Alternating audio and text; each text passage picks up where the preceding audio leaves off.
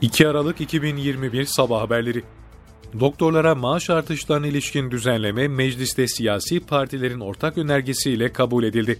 Bu kapsamda pratisyen hekimlere 2500, uzman hekimlere diş hekimleri dahil olmak üzere 5000 lira zam uygulanacak. İlk olarak Sağlık Bakanı Fahrettin Koca'nın geçtiğimiz günlerde açıkladığı müjde hekim kadrolarının maaşlarında artış olacak. Düzenleme, Türkiye Büyük Millet Meclisi Genel Kurulu'nda görüşmeleri süren bazı kanunlarda değişiklik yapılmasına dair kanun teklifine madde ihdası ile eklendi.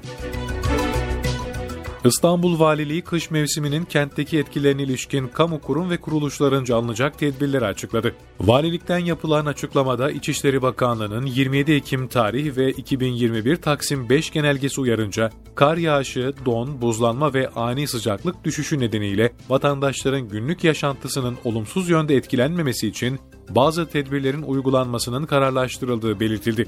Açıklamada vatandaşların ihtiyaç halinde 112 Acil Çağrı Merkezi, İstanbul Valiliği İl Afet ve Acil Durum Müdürlüğü'nün telefon numaralarıyla Büyükşehir Belediye Başkanlığı Afet Koordinasyon Merkezi'nin acil çağrı merkezlerinin aranması gerektiği vurgulandı. Cumhurbaşkanlığı İletişim Başkanlığı'ndan yapılan açıklamaya göre Cumhurbaşkanı Recep Tayyip Erdoğan, Abu Dhabi Veliaht Prensi Şeyh Muhammed Bin Zayed El Nahyani ile telefonda görüştü.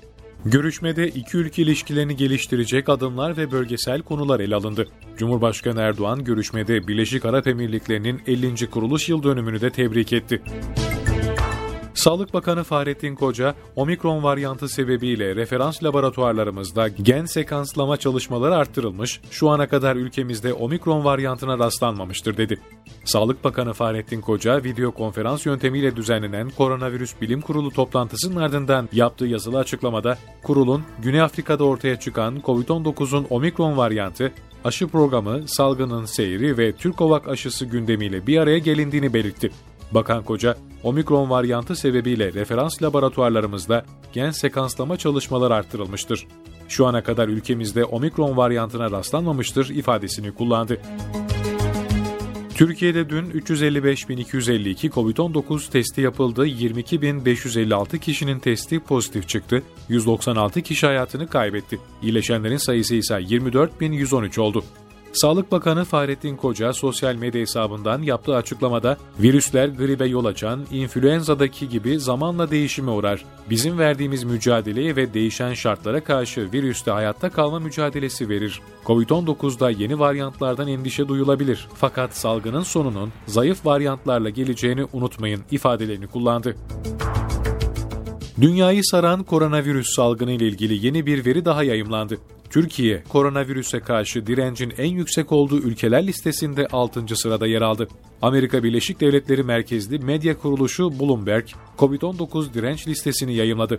Salgının başından bu yana belli aralıklarla farklı kriterlere göre dünyanın önde gelen ülkelerini sıralayan Bloomberg'in son listesinde Türkiye bazı sosyal mesafe kurallarını gevşettikten ve daha fazla ilin yüksek riskli kategorinin dışında kalmasının ardından 13 basamak yükselerek 19. sıradan 6. sıraya yerleşti.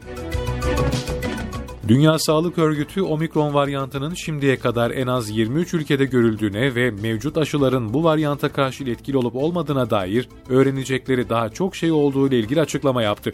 Dünya Sağlık Örgütü Genel Direktörü Dr. Tedros Gebreyesus, omikronun ortaya çıkmasının kendileri için sürpriz olmadığını vurgulayarak virüslerin yaptığı budur.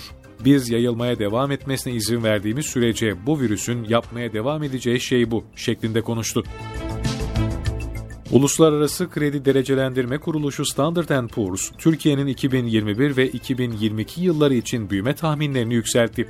Kredi Derecelendirme Kuruluşu'nun Avrupa, Orta Doğu ve Afrika gelişen piyasalar raporunda Türkiye'nin 2021 yılı için ekonomik büyüme tahmininin 1.2 puan arttırarak %9.8'e, 2022 yılı için büyüme tahminini ise %0.4 arttırarak 3.7'ye revize ettiğini kaydetti.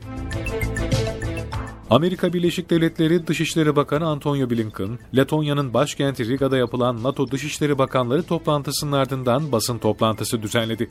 Blinken, Ukrayna konusunda çatışma yolunu izlemesi durumunda Rusya'ya ağır bedeller ödeteceklerini belirterek Moskova'ya askeri planlarını sonlandırma çağrısı yaptı.